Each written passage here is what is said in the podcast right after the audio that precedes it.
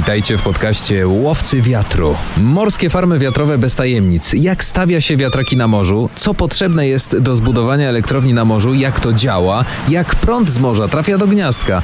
Na te pytania odpowiadają eksperci PGE Baltica, która buduje morskie farmy wiatrowe na Bałtyku. Witajcie w kolejnym odcinku, który nosi nazwę Jak prąd z Bałtyku dotrze do gniazdka. Mm, no, nie ukrywam, że bardzo mnie interesuje akurat właśnie odpowiedź na to pytanie e, ze strony laika. To jest e, bardzo ciekawy temat moim zdaniem, a ta droga od e, właśnie wiatraka do gniazdka jest bardzo, bardzo daleka. Znamy już potencjał bałtyckiego wiatru, wiemy jak buduje się farmy wiatrowe, z czego składają się te ogromne wiatraki. Wiatr przechwycony przez wiatrak wytwarza energię, no i finalnie ona musi trafić do gniazdek w naszych domach domach, żebyśmy mogli sobie podładować telefon. Jak to się dzieje? Na te pytania odpowiedzą dziś nasi goście. Pan Łukasz Piątek, starszy specjalista do spraw systemów elektrycznych. Dzień dobry, panie Łukaszu. Dzień dobry panu, dzień dobry państwu. Oraz e, Krzysztof Glik, starszy ekspert do spraw systemów elektroenergetycznych w Departamencie Wyprowadzenia Mocy PGE Baltica. Dzień dobry, panie Krzysztofie. Dzień dobry. Morskie farmy wiatrowe. Coś absolutnie ogromnego, ale to nie tylko wiatraki na morzu. Oczywiście y, nie ograniczamy się tylko do tej strefy. Bardzo mnie ciekawi, mam nadzieję, że naszych słuchaczy również, jakie technologie są obecnie wykorzystywane do pozyskiwania prądu y, z Bałtyku. Prąd pozyskiwany jest po prostu z energii wiatru. E, wiatr trafiający na łopaty zamienia tą energię mechaniczną na energię elektryczną. E, I potem zaczyna się tak naprawdę cała magia e, kryjąca się za fizyką tym, czym zajmujemy się tutaj i ta cała podróż tego prądu. Mm, jeżeli chodzi o takie główne technologie tego prądu, przesyłu, to mówimy o technologiach stałoprądowych, technologiach przemiennoprądowych, nie wchodząc może tutaj w detale techniczne. Różnią się one mm, zarówno dojrzałością technologii, jak i możliwościami. W tym momencie mówimy o technologii przemiennoprądowej, ponieważ to właśnie ta będzie stosowana mm, do przesyłu prądu na Bałtyku. No i e, od tego wiatraka Rozpoczyna się potem podróż, gdzie ten prąd najpierw przez kable wewnętrzne trafia do stacji. Ze stacji potem e, trafia do e, większych jeszcze kabli, które mają za zadanie prze, przenieść ten prąd na ląd. No i potem na stacji elektroenergetycznej można powiedzieć, że ten prąd jest czyszczony i w, w, wpuszczany do krajowego systemu elektroenergetycznego, gdzie jest następnie transportowany już e, do gniazdek właśnie, gdzie trafia to do pana, do państwa nas słuchających i mogą państwo wtedy podłączyć właśnie ten przysłowiowy telefon i taką energią sobie go podładować. To w takim razie co, co na tym lądzie musi powstać, żeby to wszystko działało, żeby farma na morzu mogła działać? Jak ta infrastruktura lądowa wygląda, panowie? Oczywiście na tej naszej lądowej stacji transformatorowej znajduje się e, dużo, dużo urządzeń. Można powiedzieć, że nawet więcej niż na mm, morskiej stacji e, transformatorowej, ponieważ e, ogólnie założenie jest takie, że żeby większość urządzeń, jeśli się da, to, to instalować na lądzie, tak? a tylko to, to minimum na, na morzu, więc na samej lądowej stacji transformatorowej mamy tra takie duże transformatory mocy, które podwyższają napięcie, tak, e, żeby dostosować to napięcie do napięcia sieci operatora, czy krajowego systemu elektroenergetycznego. Mamy tam oczywiście całą rozdzielnię na tym napięciu 275 i 400 kV dość rozbudowaną, żeby właśnie przyłączać do tej rozdzielni wchodzące linie kablowe, tak, lądowe, które wchodzą od strony e, od strony morskiej farmy wiatrowej oraz żeby e, przyłączać też mosty szynowe, które idą z kolei w drugą stronę, e, mosty szynowe takie napowietrzne, które idą w drugą stronę właśnie w kierunku sieci. Do tego mamy dużo takich urządzeń, które poprawiają jakość energii elektrycznej, tak żeby spełnić wymagania, e, wymagania e, sieciowe. To są tak zwane filtry harmoniczne, składające się z różnego rodzaju urządzeń. Oraz dodatkowo takie urządzenia też dość, dość, dość złożone, można powiedzieć, urządzenia energoelektroniczne typu statkom, które mają też za zadanie odpowiednio sterować tą, tą mocą, utrzymywać jakby parametry tego napięcia i prądów w punkcie przyłączenia. Więc to są, to są oczywiście te, te wszystkie urządzenia, też różnego rodzaju urządzenia SCADA, urządzenia zabezpieczeniowe, pomiarowe. Rzeczywiście nie da się tego zamówić przez internet w jeden tak. wieczór. W jednym sklepie wyklikać i z dostawą i instalacją e, w mniej niż 24 godziny. E, ogólnie tu kolega wspomniał o tych urządzeniach. Mm, w naszym tutaj mm, jakby systemie, mm, w naszym tutaj prawodawstwie, my jako inwestor jakby jesteśmy odpowiedzialni za to, żeby ta energia e, została odpowiednio wyczyszczona, powiedzmy, z tych wszystkich rzeczy, których nie chcemy, zanim zostanie wpuszczona do krajowego systemu elektroenergetycznego. Ma to też o tyle istotne, mm, istotne znaczenie pod tym względem, że my w Europie jesteśmy bardzo mocno połączeni z innymi również krajami. Jeżeli my tutaj namieszamy i doprowadzimy do jakiejś dużej awarii, to nawet nasi tutaj e, koledzy z Portugalii odczują jej skutki. Więc e, cała ta aparatura ma bardzo ważne znaczenie, e, żeby ta energia jakby nie tylko była zielona, ale jeszcze odpowiednio czysta od wszystkich tych takich niechcianych elementów, które mogą się w niej znaleźć. Musimy być ostrożni w takim razie, żeby się Portugalczycy na nas nie zdenerwowali. Natomiast to też podkreśla fakt, jak ta praca jest odpowiedzialna i tak naprawdę nie sama praca, a budowa całej infrastruktury, żeby to pięknie działało i nie sprawiało problemów. Ja bym powiedział to tak, że to jest zestaw naczyń połączonych. Mhm. Mam takie wrażenie, że jak mówimy o morskich farmach wiatrowych, to no, w wyobraźni każdego tutaj, gdy usłyszy o takim elektrowni na morzu, to widzi właśnie te potężne wiatraki, te konstrukcje, które obracają się, e, które przewyższają e, wysokością Pałac Kultury tutaj w Warszawie ale znaczna też część, e, tutaj znaczną rolę odgrywa właśnie ta instalacja, która jest nie zawsze widoczna. E, aczkolwiek nie mniej istotna, która znajduje się bardzo często pod ziemią, po te kable mamy zakopane w ziemi, ich nie widać, oraz te mm, szereg budynków i całej aparatury elektroenergetycznej na lądzie, które mają za zadanie, że ten prąd, który pozyskamy z wiatraków, nie tylko jakby będzie możliwy do wykorzystania, ale będzie też odpowiedniej jakości, tak żeby nie stwarzał zagrożenia w e, systemie elektroenergetycznym. No i właśnie teraz do głowy mi przyszedł taki obrazek e, z wakacji, jak jechałem sobie gdzieś tam przez pole wiatraków i obserwowałem te ogromne maszyny, które się kręcą, no i potem się zastanawiałem, no dobra, one się kręcą i co dalej się dzieje z tym prądem. Trochę liznęliśmy tematu, jakimi kablami on przechodzi, natomiast rozumiem, że te kable mm, muszą być wkopane w ziemię w morzu? Czy one sobie pływają? Czy one są gdzieś tak w połowie y, jakby głębokości? Jak to wygląda? Bo mnie to bardzo ciekawi. Ta droga tak. między wiatrakiem a lądem właśnie, która no, jest dość e, taka powiedziałbym mm, niebezpieczna dla samego prądu. Styczność wody nie kojarzy nam się dobrze. Jeszcze nawiązując do tych farm lądowych, te turbiny na lądzie przeważnie mają moc 3 MW, te, te turbiny morskie mają obecnie planowane są e, turbiny 14 MW, więc można sobie też e, wyobrazić skalę tego przedsięwzięcia, ale wracając już do Pana pytania, jeśli chodzi w jaki sposób te kable będą ułożone, to, to oczywiście będą one zakopane w dnie morskim.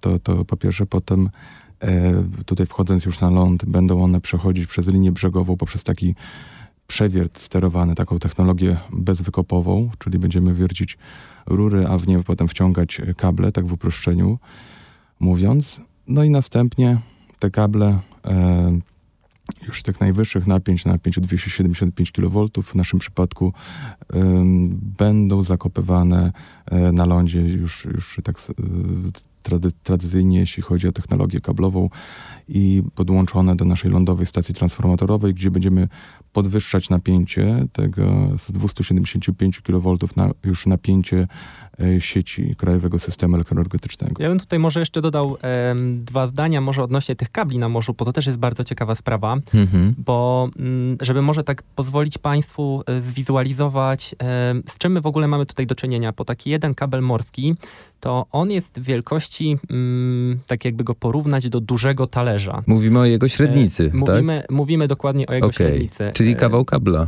Kawał kabla, ale mm, z jednej strony tak, a z drugiej strony nie, bo mając takie mniej 3-4 kable i odpowiednią ilość wiatraków na morzu, to my jesteśmy w stanie dostarczyć energię, która zasili miliony gospodarstw domowych, więc to jest y, przynajmniej z mojej strony i według mnie robi naprawdę duże, duże wrażenie. Mm, ale tak, te kable będą zakopane i będą zakopane na tyle głęboko, żebyśmy nie mieli ryzyka tego, że y, prądy morskie mm, i oddziaływanie po prostu morza sprawi, że te kable zostaną wykopane więc one mm, tutaj już odpowiednio będą głęboko zakopane. Rozmawialiśmy też w poprzednich odcinkach y, o samych szczegółach budowy wiatraka. Wiemy, że to jest dość długotrwałe, oczywiście no ciężkie, ponieważ trzeba to, mm, te wszystkie materiały dostarczyć y, drogą morską, czyli po prostu na statkach. Natomiast ciekawi mnie to, mm, na ile czasochłonne jest y, wybudowanie takich podstawowych rzeczy na lądzie, a na ile na, na wodzie? Czy, czy ta budowa idzie równorzędnie, żeby zamknąć się w jednym terminie po prostu i mieć i infrastruktury na wodzie i na lądzie? Czy to jest jakoś rozplanowane, podzielone?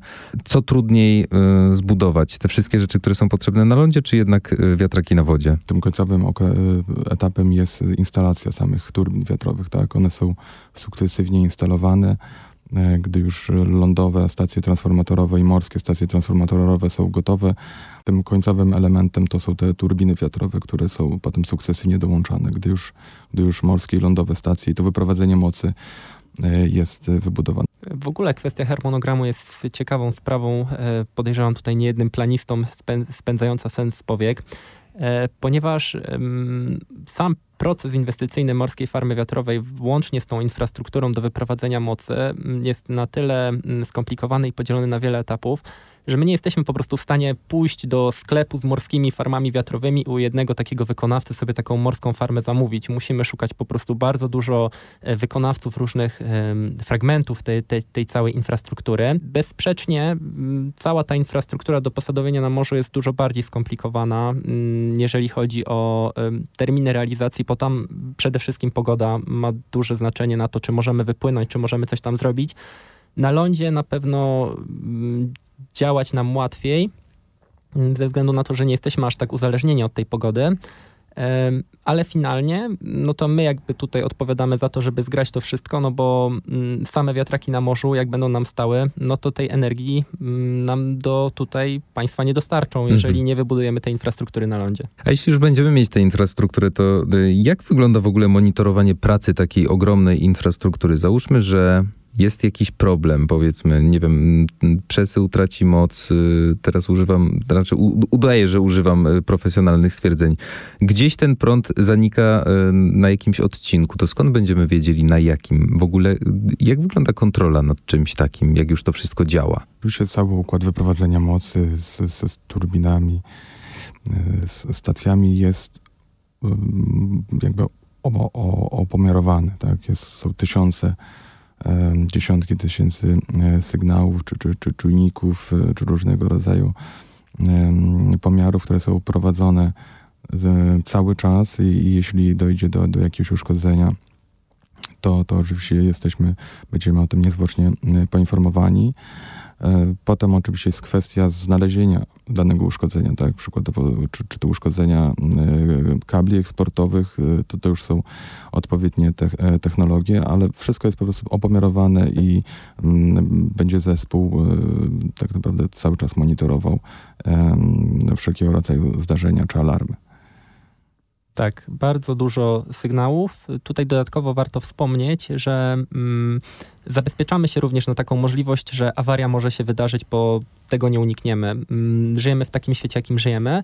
No i poza tym monitorowaniem zabezpieczamy się również na różne sytuacje, mm, szukamy po takich potencjalnych miejsc, gdzie może wystąpić e, awaria. No i e, staramy się też jakoś takie te najprawdopodobniejsze awarie zabezpieczyć, zapewniając sobie jakąś alternatywną drogę do tego wyprowadzenia mocy, żeby e, awaria pojedynczego elementu nie spowodowała nagle, że cała morska farma wiatrowa musi zostać wyłączona. I spodziewałem się, że trudniej jest monitorować e, te odcinki, które są zakopane pod ziemią w morzu. Ale rozumiem, że tam czujniki również są przewidziane na całej drodze.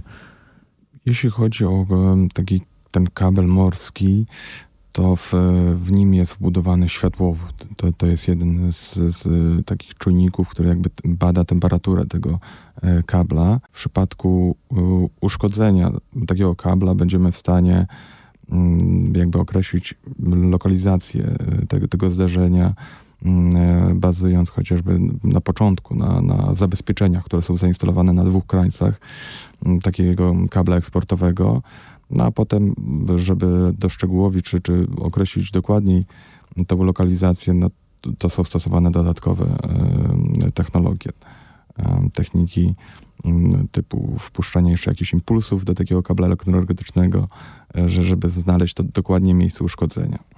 No więc jeśli chodzi o taki kabel morski czy, czy, czy lądowy, to główne czujniki to jest właśnie taki stałe monitorowanie, to będzie światłowód, który będzie mierzył temperaturę tego e, kabla. I samo stwierdzenie światłowód mi wystarczy, bo jak słyszę tutaj u znajomych, że ktoś ma światłowód, to znaczy, że ma profesjonalne coś. Internet ma szybkie, naprawdę profesjonalne, porządne. Y, panowie, a tak zupełnie trochę na pół poważnie, czy prąd z wiatru jest lepszy? Bezsprzecznie. Mm. A tu kolega, panie doktorze, poprze pan? A, tak, tak. Tą opinię? Jak najbardziej. I to jeszcze z y, naszego polskiego wiatru, biało-czerwonego. Trzeba no to już w ogóle. To już w ogóle. Dlaczego tak jest? A dodatkowo zapewniamy sobie to stabilne źródło energii, bo tu warto właśnie wspomnieć, że mm, mimo iż nasze Morze Bałtyckie nie jest może takim najbardziej powiedzmy wydajnym akwenem, patrząc na możliwości pozyskania tej energii, to jest to naprawdę solidne morze, gdzie mm, duże ilości wiatru pozwalają na dostarczenie nam tej energii dla ludzi, do tej zielonej energii, wolnej od e, powiedzmy tych wszystkich paliw kopalnych, od emisji dwutlenku węgla, więc nic tylko korzystać i być e, bliskim przyjacielem natury, bo to na niej polegamy oczywiście. E, I teraz pytanie, no bo ta technologia jest bardzo uzależniona od natury, od tego, co się dzieje wokół nas. Wpływ warunków atmosferycznych na przesył prądu e, istnieje pod tytułem wieje albo nie wieje. Co się dzieje, kiedy nie wieje w takim razie? Kiedy nie wieje, oczywiście nie... nie Dmuchamy w wiatraki z tak. kolegami.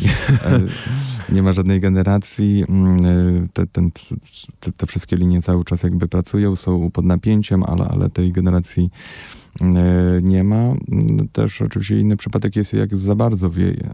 Wtedy też przy takich już e, wysokich prędkościach wiatru to te turbiny też się znaczy zatrzymują, e, wstrzymują swoją pracę ze względu właśnie na bezpieczeństwo. To jest ciekawe, co pan powiedział, bo wydawało mi się zawsze, i dziękuję za to, bo e, wydawało mi się, że jak wieje za bardzo, to za dużo tego, mm, tej energii zostanie wytworzonej. I moje takie pytanie pomocnicze, y, z którym pan mnie wyprzedził, jest, było takie właśnie, a co się stanie, jeśli wygenerujemy za dużo energii? Ale odpowiedzieliśmy już na to, że te wiatraki po prostu się zatrzymują i pracy nie ma. A panowie będą przebywać y, najczęściej w jakich miejscach? Tych na lądzie, tych na wodzie, y, czy może teraz na zmianę? My głównie jesteśmy odpowiedzialni za część lądową, tak, jeśli chodzi o to, teraz ten proces inwestycyjny, który się toczy, to ten SPG odpowiadamy za, za tą część lądową. Morskie farmy wiatrowe, panowie, to już jest innowacja, to już jest przyszłość, to już jest ogromny krok w przyszłość. Natomiast y, myśląc y, o takich y, rozwiązaniach, budując je na bieżąco, też zapewne myśli się jeszcze bardziej w przód, czyli o tych technologiach, które mogą mm, wchodzić w trakcie, które mogą jeszcze ulepszać pewne rzeczy. O jakich technologiach na teraz myśli się jeszcze w przyszłości, jeżeli chodzi o pozyskiwanie energii? Teraz obecnie analizowane są właśnie możliwości budowania sieci morskich, szczególnie na Morzu Północnym, gdzie ta energetyka wiatrowa jest e, rozwinięta. E, to znaczy połączenie tych wszystkich, e, tych wszystkich farm w taką sieć oczkową, tak, że nie będziemy mieć połączeń promieniowych, tak, punkty A do punktu B, tylko będziemy mieć wszystkie, wszystkie te, tą, całą tą generację połączoną w taką sieć więc to są pewne prace koncepcyjne, które się toczą i może kiedyś też zostaną zastosowane na, na Morzu Bałtyckim. Tak, ta energia nie tylko będzie mm, płynąć jakby od farmy na ląd, ale może popłynie do elektrolizera i finalnym produktem wcale nie będzie prąd, tylko będzie wodór. E, może popłynie do innego kraju, e, niekoniecznie na przykład do kraju docelowego, bo tam będzie to zapotrzebowanie na energię większą. Mhm. Więc e, przyszłość e, kreuje się na elastyczną pod tym względem. A jeśli mamy się wzorować na kimś, yy, lub też jesteśmy na tyle innowacyjni, że to inni od nas yy, będą yy, tak naprawdę, no nie tyle odgapiać, co będą mm, się na nas wzorować, to jakie kraje korzystają już z energii morskich, farm wiatrowych? Albo mają to w planach na przykład? Teraz głównie to w, w Europa Zachodnia, tak, Wielka Brytania, Niemcy, mm, Dania, to, to są główni, można powiedzieć, producenci, czy, czy, czy tam jest najwięcej morskich farm e, wiatrowych obecnie. Też Chiny e, mają dużo projektów. Obecnie rozwijają się te projekty także e, w Stanach Zjednoczonych. Jedne z pierwszych takich większych projektów są, są uruchamiane. No i tutaj na naszym tak naprawdę Morzu Bałtyckim to, to, to oprócz nas, to, to oczywiście też Skandynawowie, Finowie, Szwedzi planują też większe, większe takie morskie farmy wiatrowe. To myślę, to myślę są takie główne kierunki. Przy czym Duńczycy tutaj to naprawdę byli pionierzy morskiej energetyki wiatrowej, bo e, minęło 30 lat, od kiedy cała ta branża w ogóle wystartowała w 1991 roku i gdy oddano do użytku pierwszą morską farmę wiatrową właśnie w okolicach Danii. Mm, I co ciekawe, co warto zauważyć, że wtedy, w tamtym momencie, ta farma składała się z 11 wiatraków, e, które były w stanie łącznie jakby mm, wygenerować tam moc na poziomie 5 e, megawatów. E, może te waty będą tutaj dla Państwa straszne, e, ale mm, warto zauważyć, że wtedy mieliśmy 11 turbin, które były w stanie jakby wygenerować te 11 megawatów, a w tym momencie będziemy stawiać wiatraki, gdzie pojedynczy wiatrak sam jest w stanie wygenerować te 14-15 megawatów, więc e, widać jak ta technologia idzie do przodu, idzie do przodu wykładniczo. I tutaj kolega też właśnie wspomniał o Chinach, bo Chiny są takim teraz azjatyckim graczem, który bardzo mocno mm, rozwija tą morską energetykę wiatrową, gdzie mamy tak naprawdę prześciganie się w innowacjach, w budowaniu coraz wyższych turbin wiatrowych, bo mm, tam już nawet nie mówi się o tych 14-15 megawatowych turbinach, ale już 18, 20, a potencjalnie może nawet w przyszłości 25 megawatowych. To ja już niebawem, ładując telefon w domu, będę patrzył, czy ładuje się szybciej, czy wolniej. Jak będzie się ładował szybciej, to znaczy, że to jest prąd z wiatraka. Porządny prąd z wiatraka. Porządny, czysty, zielony, sprawiający uśmiech na ustach. I tego się trzymajmy. Ekologia, innowacja to są właśnie mm, e, no, te słowa, które na pewno tym e, wszystkim eksperymentom tutaj, tym wszystkim planom y, towarzyszą i te plany się ziszczą już niebawem. Y, bardzo, bardzo panom dziękuję. Łukasz Piątek, starszy specjalista do spraw systemów elektrycznych oraz y, Krzysztof Glik, starszy ekspert do spraw systemów elektroenergetycznych w Departamencie Wyprowadzenia Mocy PGE Baltica. Panowie, wiemy już bardzo dużo i ja za tę wiedzę bardzo dziękuję. Super, dziękujemy również. Dziękujemy.